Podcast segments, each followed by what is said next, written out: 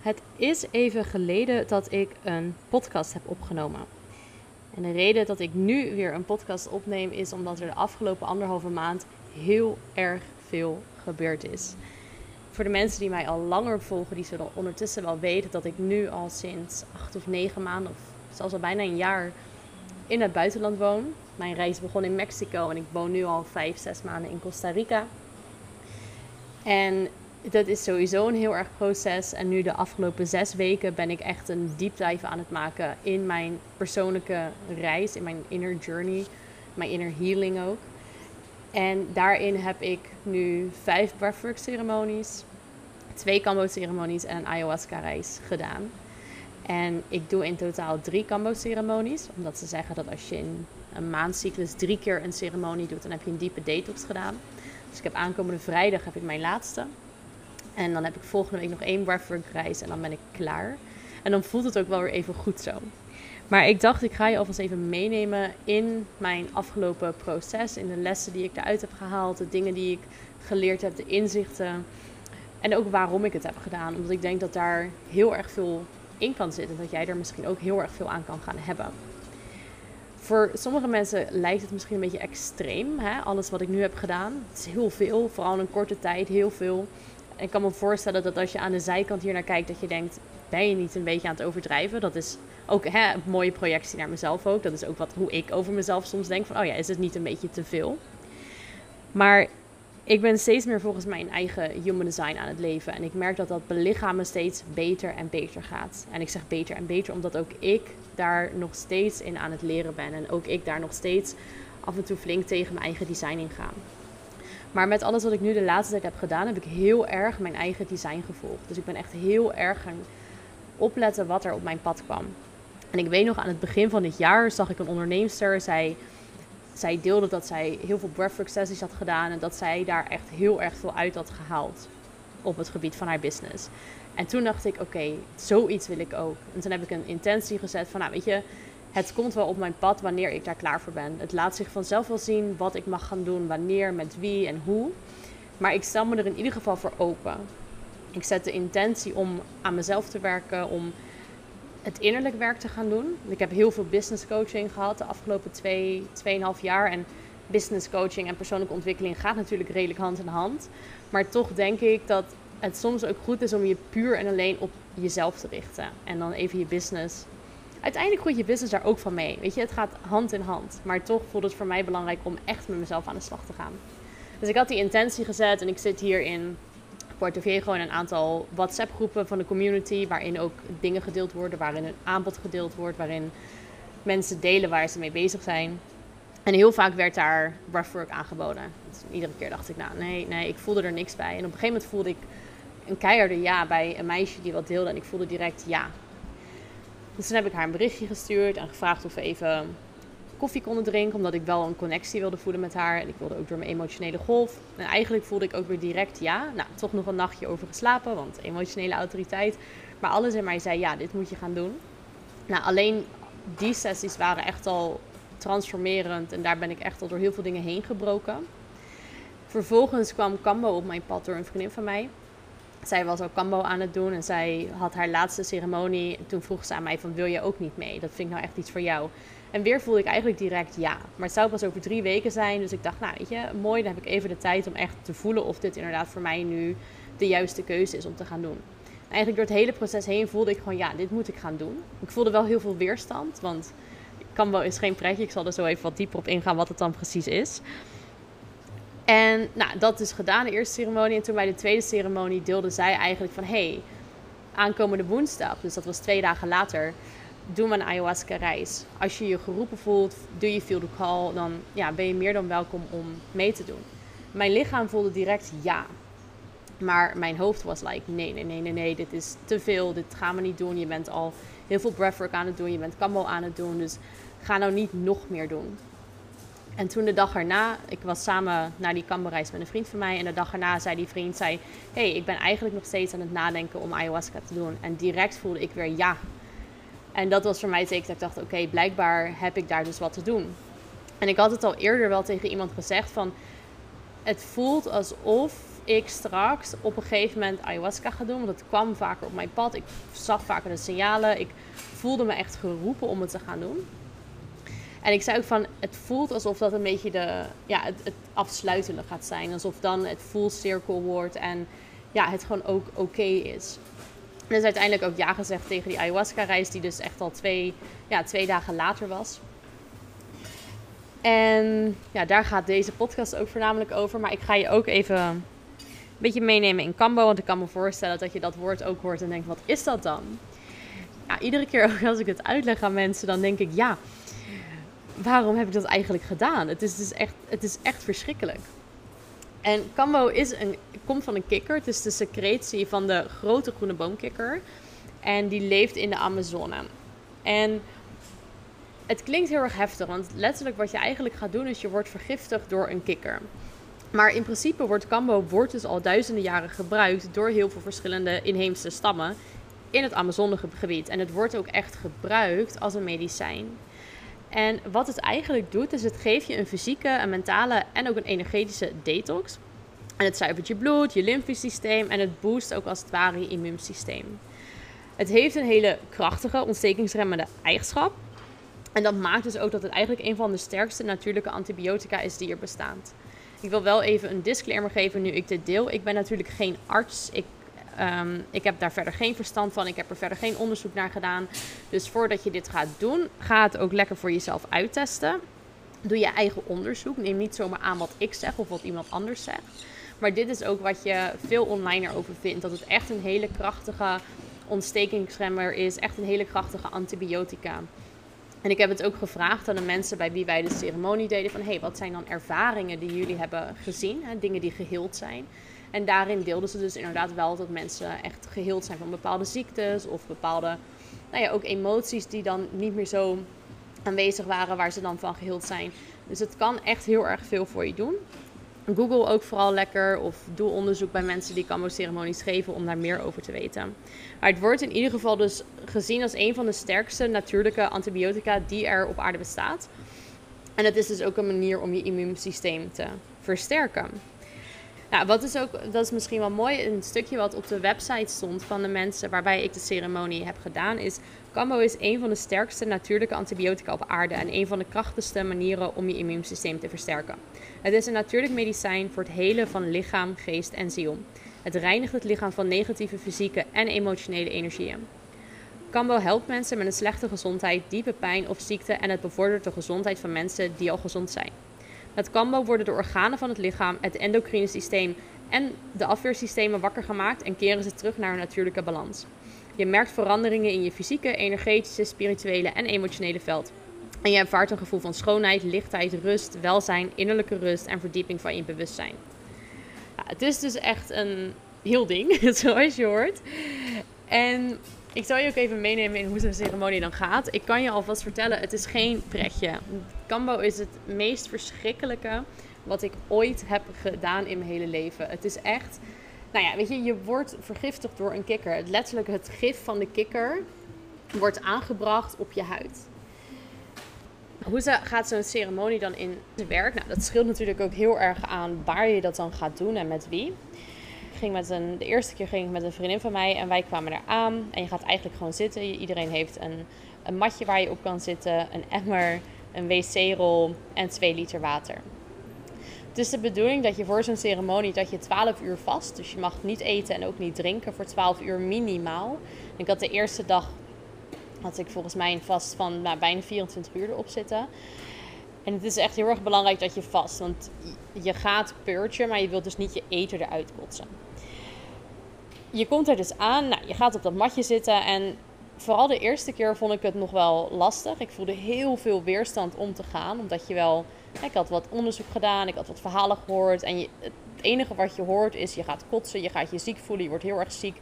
En ja, weinig fijne dingen. Ja, natuurlijk wel het after effect waar mensen heel erg laaiend over zijn.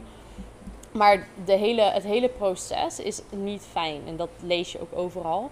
Dus ik ging daar best wel mixed feelings heen. Ik had echt het idee van, wat, ja, wat de fuck ben ik aan het doen? Waarom? Ik had in de ochtend ook echt zoiets van, ik ga afzeggen. Ik, ik wil niet meer. Ik, ik wil dit niet. Ik kan dit niet. Waar slaat dit op? Maar goed, ik voelde wel heel sterk van, oh ja, dit is echt wat ik mag gaan doen. Dus ik, ik ben maar gewoon gegaan. En uh, ja, ik zat er dus echt wel een beetje met een dubbel gevoel. Ik was heel erg zenuwachtig. Ik wist niet wat ik kon verwachten. Dat vind ik niet fijn. Dus dat was ook gelijk een mooie les voor mij in overgave. Van oké, geef je maar gewoon over aan de ervaring. Laat maar los. Laat de verwachtingen maar los. Laat alles maar los. En geef je gewoon over aan de hele ervaring. Zonder dat je daar je mind ja, in mee gaat laten werken, als het ware. En dat heb ik gedaan. Om en nabij. Het leek er een beetje op. Het ging, het ging redelijk. Ik, wat mij dan heel erg helpt, is me dus echt inderdaad focussen op mijn ademhaling. Dus ik ga dan vaak gewoon in kleermakers zit zitten, hand op mijn onderbuik en hand op mijn hart. En dan ga ik me gewoon focussen op mijn ademhaling. En echt mezelf even centeren in mezelf, in mijn lichaam. Van mijn hoofd naar mijn lichaam zakken. In plaats van heel erg in mijn mind te zitten. En als ik dat doe en me echt focus op die ademhaling en echt naar binnen keer, dan merk ik dat ik meer rust kan vinden ergens in. Maar als ik te veel in mijn hoofd zit, dan, ja, dan wordt het een hele onaangename ervaring. Dus dat heb ik gedaan. Ik ben echt naar binnen gekeerd mezelf afgesloten van de mensen om me heen. Iedereen zit daar ook een beetje met hetzelfde gevoel. Hè? Iedereen zit daar een beetje met, oh ja, we weten dat dit oncomfortabel gaat zijn. We weten dat dit niet fijn gaat zijn. En iedereen is heel erg in zichzelf gericht en heel erg met hun eigen proces bezig. Dus ik zat daar gewoon te zitten, te wachten. En nou, dan waren twee mensen die de ceremonie begeleiden. En zij maken dan een ruimte klaar. En gingen aan mij het uitleggen. Want de eerste keer was ik de enige die het voor de eerste keer deed. Ik kreeg een hele uitleg over wat het was en hoe het werkt en hoe de ceremonie gaat. De ceremonie zijn we begonnen met rapé. En eigenlijk worden al duizenden jaren planten als heilig medicijn gezien door heel veel inheemse stammen uit Zuid-Amerika. En een van die planten daarvan, die wij hier in het Westen eigenlijk niet als heilig zien of als medicijn beschouwen, is tabak. En de meesten geloven ook in het Westen dat tabak kan leiden tot heel veel ernstige ziektes en dat het verslavend is. Maar het is niet de tabak die daarvoor zorgt. Het zijn alle additieven die er aan toegevoegd zijn. Die zorgen ervoor dat het dus inderdaad verslavend is.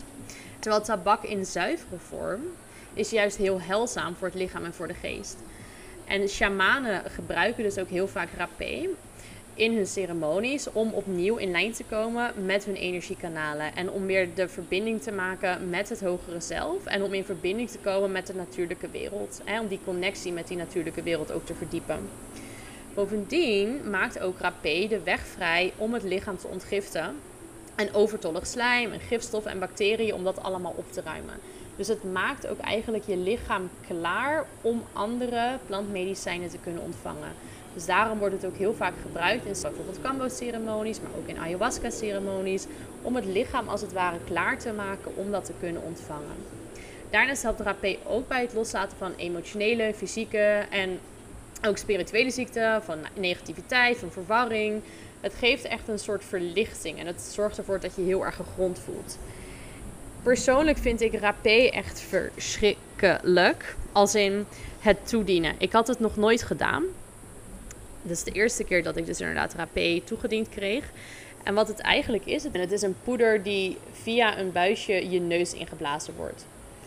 Dus je zit eigenlijk gewoon in kleermakers zit met je ogen dicht. En dan komt de shaman en die, doet een, ja, die geeft je een little prayer met de rapé. En vervolgens moet je inademen, uitademen, inademen, uitademen. En dan bij de volgende inademing hou je als het ware alle lucht vast moet je ook goed je keel afsluiten en dan blaast de shamaan de rapé in het eerste neusgat.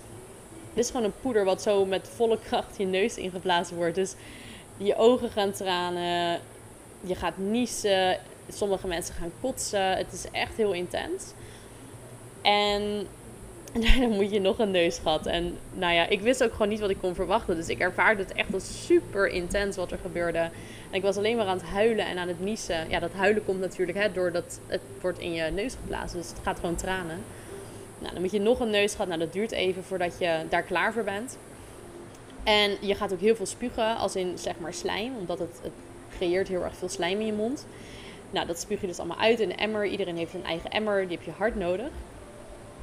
Maar zodra dus de tweede neusgat geweest is en je een beetje bij bent gekomen van, de, ja, van het toegediend krijgen van de rapé, voel je je wel echt heel erg ontspannen en relaxed en fijn en gegrond, verbonden.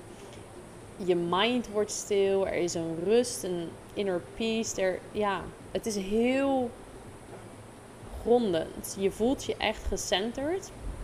En ik denk dat dat het is. Je voelt je echt gegrond en gecenterd en verbonden met jezelf. En meer in verbinding met je lichaam, minder in je hoofd. Dus het is echt heel erg krachtig. Maar het proces, wat ik al zei, vond ik zelf niet fijn. Nou goed, dan heb je dus oncomfortabel ding nummer 1 gehad. En dan ga je door naar nummer 2. En dat is het drinken van 2 liter water in ongeveer 10, 15 minuten.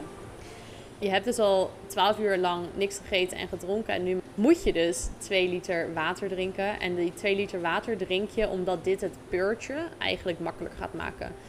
want bij Cambo gaat ervoor zorgen dat je gaat purgen. Het is een fancy woord voor kotsen, overgeven, hoe je het ook wil noemen. Maar purge klinkt wat fijner. Maar dit zorgt er dus inderdaad voor dat je straks iets kan purgen. Want als je al dat water in je hebt, dan kan je gewoon heel makkelijk Als je dat niet drinkt, dan wordt het een heel erg oncomfortabel proces. Dus je moet 2 liter water drinken in best wel een korte tijd, in ongeveer 10, 15 minuten. Dus daarna voel je ook echt wel een beetje wow. Ik weet niet of je ooit wel eens 2 liter water in zo'n korte tijd hebt gedronken, maar dan kan je je misschien een beetje voorstellen dat dat een bijzonder oncomfortabel proces is. Nou, vervolgens gaan ze de poorten openen. Nou, wat bedoel ik met poorten openen? Het Cambo-gif moet natuurlijk toegediend worden. En Cambo wordt opgenomen door je lymfesysteem. Dus wat ze eigenlijk doen is ze branden op je linkerarm. Branden ze vijf kleine ja, gaatjes. Ze branden eigenlijk het eerste laagje van je huid. Branden ze als het ware weg met een klein stokje. Lijkt een beetje op wierook, daar vergeleek ik het een beetje mee. Daarmee branden ze dus dat eerste laagje huid af. Omdat je lymfesysteem zit onder je eerste laagje huid. Dus je hoeft niet diep te gaan. Het is echt puur dat eerste laagje. Ik moet eerlijk zeggen dat het branden van de poort, ik zag daar een beetje tegenop. Dit was het meest relaxte van de hele ervaring. Het brandt een klein beetje, maar ja, niet, niks wat je niet aan kan. En ja, dat zijn dus vijf gaten onder elkaar. En omdat ik dus een hele detox doe, doen ze eerst op de linkerarm, dan op de rechterarm. En de derde gaat op mijn onderrug.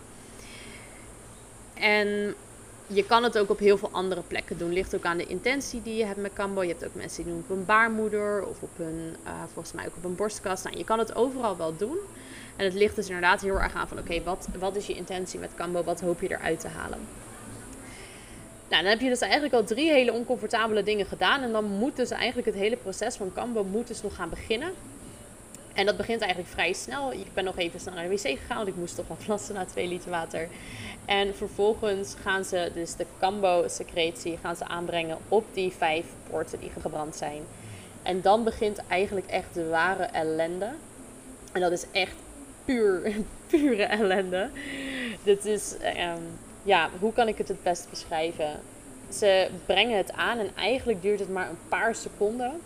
En wat er de eerste keer bij mij gebeurde, was dat er heel veel druk naar mijn hoofd ging. En mijn hele hoofd was als het ware opgezwollen. Ik heb ook op mijn Instagram stories heb ik ook een foto geplaatst. Dat kan je nog terugvinden in mijn highlights. Mijn hele lippen, mijn hele ogen, alles was opgezwollen. Het stijgt heel erg naar je hoofd. Er kwam een hele druk op mijn hoofd. Ik werd kots en kotsmisselijk. Mijn hele lichaam begon te zweten. En ik voelde me gewoon naar. Ik weet niet zo goed hoe ik hier nog meer woorden aan kan geven. Dan dat ik me gewoon oprecht nog nooit zo slecht heb gevoeld in mijn hele leven. Nou ben ik niet vaak ziek, dus ik heb niet heel veel referentie. Maar dit was echt, ik dacht echt, oh my god, ik ga dood. En het enige ook wat ik dacht in dat hele proces was alleen maar van, oh my god, somebody please make it stop, make it stop, make it stop. I can't handle this, I need someone to make it stop. I need someone to hold me. En ja, ik denk tegenwoordig in het Engels, dus ik vertaal ook even mijn gedachten in het Engels. Maar dat is het enige wat ik kon denken van I need someone to help me and I need someone to hold me and make it stop. En het was echt heel erg. En je bent alleen maar aan het kotsen en aan het kotsen en aan het kotsen. En dan is dat water wat je gedronken hebt wel fijn, omdat dat het eruit gooit als het ware. Maar goed, het was dus heel intens. En op een gegeven moment halen ze het gif eraf. En toen dacht ik, oh, eindelijk. Want als ze dat eraf halen, zou het sneller beter moeten gaan. Maar toen kreeg ik nog alleen maar buikpijn en ik had nog het idee dat ik meer moet kotsen. En het duurde echt nog wel een paar minuten voordat ik me beter ging voelen. Ja, en dan ga je eigenlijk gewoon, lig je zo'n 20, 30 minuten, lig je echt even na ja, bij te komen als het ware op dat matje. En ja, lag ik daar te zijn. En toen voelde ik wel, ik voelde me echt wel beter. En anders en lichter en schoner en helderder. anders, meer verbonden met mijn lichaam. Ik voelde, ja, ook dit is weer zo lastig om af en toe woorden aan te geven voor mij. Maar ik voelde me echt een stuk beter. Dat was de eerste ceremonie. En toen de tweede ceremonie merkte ik eigenlijk dat het makkelijker was, omdat ik wist wat ik kon verwachten. Dus mijn ego was een beetje gekalmeerd van oké, van niet weten wat we kunnen verwachten naar oké, ik weet wat we kunnen verwachten. We kunnen dit aan. Ik had er nog steeds geen zin in. En deze keer ging ik met een andere vriend en hij wilde het ook een keer proberen. En toen dacht ik, nou weet je, dan ga je toch met mij mee. En ook van die dag weer dacht ik echt nee, ik wil niet. En ik had stiekem de hoop dat hij zich zou verslapen, zodat ik niet met hem mee kon rijden. En dan was het een mooi excuus om niet te gaan.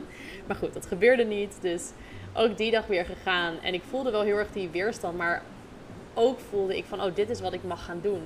Dit is goed voor mij. En het hoeft niet comfortabel te zijn, het hoeft niet leuk te zijn. Niet alles in mijn leven hoeft altijd makkelijk te zijn. Soms mag je door het oncomfortabele heen gaan, omdat daar je grootste groei zit. En dit is echt wel een van de meest oncomfortabele dingen die ik ooit heb gedaan. En ik voelde echt heel erg veel weerstand. Ik denk dat ik nog nooit zoveel weerstand heb gevoeld om iets te gaan doen.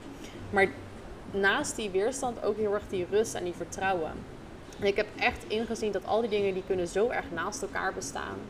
Je kan je oncomfortabel voelen, je kan angst voelen, maar daarnaast kan je ook rust voelen, daarnaast kan je ook vertrouwen voelen. En je kan ook, als je iets oncomfortabel vindt, of iets spannend vindt, of iets eng vindt, kan je er alsnog voor kiezen om het gewoon te doen. Je hoeft niet als je bang bent alles op de rem te zetten en het niet meer te doen. Net als dat als je ergens enthousiast over bent, hoef je ook niet alles op de rem te zetten. als je ergens enthousiast over bent, doe je het ook gewoon met het enthousiasme. En enthousiasme en angst, daarin zit dan het verschil is de frequentie, het verschil is het gevoel, het verschil is wat het doet in je lichaam. Maar met beide dingen kan je iets doen. En vaak hè, met enthousiasme zijn dingen makkelijker om te doen. Maar dat betekent niet dat als je angst voelt dat je het niet kan doen. Dus we gingen die dag gingen we weer naar de, naar de Kambo-ceremonie. En uh, nou, ik voelde dus wel meer rust. Ik zat daar met het idee van, nou weet je, ik weet wat ik kan verwachten. Ik weet wat er gaat gebeuren. Dus dat is in ieder geval geparkeerd. Dus mijn ego kan in ieder geval rusten in het gevoel van, oké, ik weet wat er aankomt. Er is niet meer het onbekende. Er is wel de angst voor het ziek worden weer. Maar niet meer van, oké, maar wat kan ik verwachten? En hoe gaat het dan precies zijn? En ook het ziek worden, ik wist een beetje van oké, dit is dus globaal wat ik kan verwachten. De eerste keer had ik geen idee wat ik dan had kunnen verwachten. Nou, weer hetzelfde proces, weer rapé. En deze keer, deze een sterke dosis. En de vorige keer was medium. En nu was, zei ze, ze vroeg aan mij, oh dit is je tweede keer toch? Toen zei ik, ja oké, dat is goed. En toen, ja, ik wist, ik voelde gewoon toen ze het deed dat het veel sterker was. En we waren deze keer met een kleine groep, we waren maar met vier mensen alle drie de anderen hebben gekotst en werden heel erg ziek. En ik heb niet gekotst, daar was ik echt heel erg blij mee. Maar heel veel mensen hebben, ja, drie van de vier kotsten dus door de rapé al. Nou, dan ben ik blij dat ik dat niet had, want uh, ja, dat was dan toch nog een lichtpuntje in het geheel. Maar het was echt wel heel pittig. Ik denk dat ik de medium dosis fijner vond dan de sterk. Uiteindelijk, ik voelde me namelijk ook een beetje um, iets te spaced out door de sterke dosis rapé. Dus ik weet ook voor mezelf nu van, als ik nog een keer rapé ga doen, dan kies ik voor een milde dosis. Want sterk voel ik me minder verbonden dan met een medium dosis. Ik voelde me iets meer out there dan in here, zeg maar, als het ware. Vervolgens, we hebben het water gedronken, we hebben de rapé gedaan, de gaten zijn gebrand. Deze keer op de rechterarm. En dat kikkergif werd weer aangebracht. ik was de eerste waarbij ze het aanbrachten. Dus ik dacht, oh chill, dan brengen ze het bij mij aan. En dan ben ik ook als een van de eerste klaar. En I was dying. Ik voelde me zo slecht en ik heb zoveel gekotst en gepurged. En op een gegeven moment kon ik gewoon niet meer kotsen. Maar het was wel zeg maar. Ja, misschien ken je dat gevoel, lekker smakelijk verhaal. Maar misschien ken je dat gevoel wel van: oké, je voelt dat je iets wilt purgen, maar er komt niks uit. En op een gegeven moment hoorde ik bij iedereen: Oh, we're gonna take off the medicine right now. We're gonna take off the medicine right now. En dat betekent dus dat ze het van je, van je arm afhalen. En dat je je daarna dus eigenlijk wat beter gaat voelen. En ik was de eerste waarbij ze het opbrachten. En de laatste waarbij ze eraf haalden. En het enige wat ik alleen maar dacht was: oh my god, oh my god, please haal het eraf, haal het eraf, haal het eraf, haal het eraf. Waarom halen ze het er nou niet bij mij af? Waarom moet ik nou nog meer lijden? Waarom kunnen ze niet het bij mij afhalen? Ik wil dat ze het eraf halen. Ik voel me zo slecht. Ik voelde me echt zo, zo, zo slecht. Maar ja, goed, ze hadden het er dus bij mij nog niet van af. En ik moest er echt mee zitten. En op een gegeven moment ook, het was letterlijk ermee moeten zitten. Want ik kon niet meer kotsen. Er kwam niks meer uit. Maar ik had wel dat zo, weet je dat, nou ja goed, ik zal niet te veel details treden. Ehm, dus dat was wel heel erg pijnlijk. Dat was niet prettig. En op een gegeven moment haalden ze er af en toe voelde ik wel van, oh ja, hè Maar de eerste keer haalden ze het er veel sneller van af. Dus ik heb er nu echt langer mee moeten zitten. En wat ik daarin heel erg merkte, was dat in het begin kon ik me heel erg overgeven aan dat oncomfortabele gevoel kon ik er letterlijk mee zitten. Ik zat rechtop. Soms, ja, je moet als het ware ook in een kikkerpositie zitten. Dus een emmer onder je en je zit in een kikkerpositie zodat je makkelijker kan kotsen. En ik ging op een gegeven moment gewoon rechtop zitten en ik dacht: oké, ik ben sterk, ik kan dit aan. Ik voel me slecht, maar het is oké. Ik kan hiermee zitten, ik mag me daaraan overgeven. Ik kan dit gewoon ervaren, er is niks mis mee. Maar op een gegeven moment, toen ik dus bij iedereen hoorde van we halen het er nu van af, ging mijn mind zich ermee bemoeien. En kwam mijn mind erbij met hallo, ik wil ook dat het eraf gaat. Ik kan niet meer, ik wil niet meer. Dat was het moment waarop ik het echt heel zwaar kreeg. Dat was het moment waarop ik echt aan het struggelen was en waarop ik echt aan het lijden was. En een les die ik daar voor mezelf ook heel erg uit heb gehaald is: er kunnen heel erg veel dingen gebeuren in je leven. Je kan je heel erg oncomfortabel voelen. Zolang je je eraan over kan geven aan de ervaring, aan wat er dan ook gebeurt, hoe pittig, hoe zwaar, hoe moeilijk, hoe kut het ook is. Als je je daaraan kan overgeven, wordt het minder zwaar, wordt het minder pijnlijk, wordt het draagbaar. Je kan het misschien een beetje vergelijken met een rivier. Als jij in de rivier valt met een hele sterke stroming, als jij gaat zwemmen en er tegenin probeert te zwemmen, word je heel erg moe. Het is soms beter om je dan met de stroming mee te laten drijven, om je daaraan over te geven, omdat het dan makkelijker wordt. En op het moment dat mijn mind zich ermee ging bemoeien, en op het moment dat mijn mind vond dat het anders moest, mijn mind wilde de controle houden. Mijn mind had zoiets van: nee, maar het moet anders. Dit is niet hoe het zou moeten gaan. Ik wil dit, terwijl ik dit krijg. Hè? Ik had andere verwachtingen, ik had andere hopen dan wat er op dat moment in mijn externe realiteit gebeurde. En dat zorgde ervoor dat ik echt aan het lijden was. En dat is dus ook de les die ik eruit heb gehad. Van zodra je mind zich ermee gaat bemoeien, is het moment waarop je echt gaat lijden. Dan ga je het echt zwaar krijgen. Dus het is veel belangrijker om je mind aan de kant te zetten en om je daaraan over te geven. Dan dat je met je mind dingen probeert te controleren, probeert te verklaren, whatever. En dat is makkelijker gezegd dan gedaan. En ik merkte dat dus ook in het begin kon dat heel makkelijk en kon ik me er echt aan overgeven. En op een gegeven moment kon het gewoon niet meer. En wat ik deed op het moment dat ik me er wel aan kon overgeven, was focus op mijn ademhaling. Ik was echt gefocust op: oké, adem in, adem uit, adem in, adem uit. Dat was het enige waar ik op dat moment op gefocust was. Maar op een gegeven moment niet meer. Ik focuste me niet meer op mijn ademhaling. Ik was alleen maar in mijn hoofd bezig. Ik was alleen maar gefocust op: ik wil dit niet meer. Ja, en dan ga je dus verzetten tegen je realiteit. En dat is dus het moment waarop je in problemen komt. Nou goed. Op een gegeven moment haalden ze er dus wel gelukkig van af natuurlijk. En toen voelde ik me dus inderdaad op een gegeven moment ook alweer wel weer beter. En ik ben na beide, twee, na beide ceremonies ben ik gewoon heel moe geweest. We hebben gewoon eigenlijk de hele dag geslapen, in bed gelegen. Nou, de eerste dag vooral thuis in bed gelegen. En de tweede dag ben ik eigenlijk de hele dag met die vriend van mij hebben op het strand gelegen. En was ik pas rond 5, 6 uur thuis. Maar eigenlijk gewoon echt wel uitgeput. Want ja, je lichaam heeft echt wel hard gewerkt. En wat ze eigenlijk ook zeggen met Kambo, dat purge doe je eigenlijk om alles wat je niet meer dient in je lichaam, om dat dus inderdaad los te laten. Dus dat kan emotioneel zijn, dat kan ja, ziekte zijn, dat kan van alles en nog wat zijn. En bij beide keren zwol mijn gezicht ook op. De tweede keer al veel minder dan de eerste keer. En daarvan zeggen ze dus eigenlijk ook van, oh ja, dan heeft Kambo vooral op het emotioneel level heeft hij dus werk gedaan ik denk dat dat dus voor mij ook de reden was dat ik zo moe was. Omdat ik, het, het is wel echt gewoon een workout die je eigenlijk aan het doen bent. Ik voel me wel compleet anders. En dat zal vast ook wel komen omdat ik dus ayahuasca en kambo en breathwork en al die dingen heb gedaan. Dus ik heb heel veel verschillende dingen gedaan. Dus ik voel me compleet anders. En ik zal je straks ook in mijn ayahuasca-reis meenemen. En ja, dat is gewoon echt transformerend geweest. Maar door al die dingen die ik nu heb gedaan, voel ik wel dat ik een compleet ander persoon ben. Ik weet dus ook niet zo goed wat ik dan kan zeggen van oké, wat was dan specifiek de bijdrage van Cambo daarin? Omdat ik al die dingen tegelijk heb gedaan. Maar goed, dat is voor mij dat ik denk, nou weet je, dat kan ik altijd nog een keer Cambo gaan doen. Om dat eens te gaan onderzoeken. Maar voor mij voelden nu al die dingen kwamen eigenlijk tegelijk op mijn pad. En bij alles voelde ik gewoon een ja. En nu voel ik ook, want ik wilde eigenlijk mijn breathwork ceremonies wilde ik verlengen met nog zes. En dat kwam heel erg vanuit mijn mind. En toen voelde ik ook van, oh wacht even. Ik mag een stapje terugnemen. Ik mag heel even gaan inchecken van, oké, is dit inderdaad wat ik nodig heb? Dus dan zet ik ook de intentie van, nou weet je, laat maar zien. Als het nodig is dat ik er nog zes ga doen, dan komt het wel op mijn pad. Ik wacht gewoon tot er een, een signaal komt, dat er iets op mijn pad komt waar ik op kan reageren. Nou, wat gebeurde er de dag erna? Ik trok een kaartje van mijn kaartendek voor mijn Oracle deck. En daar stond letterlijk op, ja, het was een kaart over iets van een spiraal. En met, ja, de cirkel is rond, je hebt genoeg werk gedaan. En toen voelde ik ook inderdaad in mijn lichaam van, oh ja, het is goed zo. Ik heb nog, een, nog één breathwork, nog één kambo en toen ook nog de ayahuasca. En dan is het klaar. Dan, dan heb ik genoeg werk gedaan. En voor mij voelt het nu ook dat de kambo voor aankomende vrijdag is om alles van ayahuasca te purgen.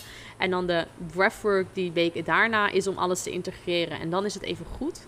Ik denk namelijk ook dat werken aan jezelf heel belangrijk is. En dat het echt iets is wat iedereen zou moeten doen. Maar er zit ook een grens aan. Er is ook een limiet. En je hebt ook tijd nodig voor integratie. Je hebt ook tijd nodig om gewoon te zijn. Ik denk dat iedereen heeft dingen waar ze aan kunnen werken. Je hebt altijd meer wat je kan helen, wat je kan oplossen. Je hebt altijd meer patronen of dingen die je kan doorbreken. Maar dat betekent niet dat je dat allemaal maar moet gaan doen. Want dan komt het nog heel erg vanuit je mind. Vanuit, oh, ik moet dit doen, ik moet dit doen, ik moet dit doen. Wat ik voor mezelf echt heb bepaald is, ik ga pas ergens aan werken als ik merk dat het me echt in de weg zit. Dus als bepaalde patronen keer op keer naar boven komen, als ik keer op keer tegen hetzelfde aan blijf lopen, dan ga ik eraan werken. Maar ik ga niet meer denken van, oh ja, uh, vroeger is dit een keer gebeurd. Dus ik denk dat ik daar wel een trauma aan over heb gehouden. Dus ik moet daar nu iets voor vinden. Nee, dat doe ik niet meer. Ik ben echt aan het kijken van, oké, waar blijf ik tegenaan lopen en wat komt er op mijn pad en wat kan ik dan gaan doen? ik krijg dan wel eens de vraag van mensen: oké, maar hoe bepaal je dan wat je, wanneer je iets gaat doen of wat je gaat doen? Dan denk ik, ja, ik voel dat aan. Ik kijk wat er op mijn pad komt. Ik kijk naar waar ik tegenaan loop en dan besluit ik om iets te gaan doen. Ik ben niet meer aan het zoeken. Sowieso als generator human design is het zoeken en het initiëren van dingen helemaal niet mijn ding. Dus ik ben het echt over me heen aan het laten komen dit was in ieder geval ja, al een hele lange podcast. Ik kijk even naar de tijd en blijkbaar ben ik dus al 35 minuten aan het lullen. En ik wilde eigenlijk mijn ayahuasca-reis delen. Maar goed, blame dan de open hoofd en Ashna in Kill Center. Dit kwam nu lekker door me heen. Ik ga je wel nog meenemen ook in mijn ayahuasca-reis. Maar ik denk dat ik de podcast even ga opdelen in twee stukken. Omdat het anders wel heel veel wordt. Want over ayahuasca kan ik denk ik wel een uur praten. Maar dan heb je in ieder geval alvast mijn Cambo-ervaring gehoord. Ik zou het wel sowieso aan iedereen aanraden. Ik kan me voorstellen dat je dit hoort en dat je je dan een beetje laat afschrikken. Dat je dan denkt, ah ja, maar dat doe je toch niet? En ja, die ja, die ja. En ja, klopt. Maar dat is je mind. En wat zegt je lichaam? Durf je je lichaam te volgen in plaats van te luisteren naar de angsten en onzekerheden en twijfels van je mind?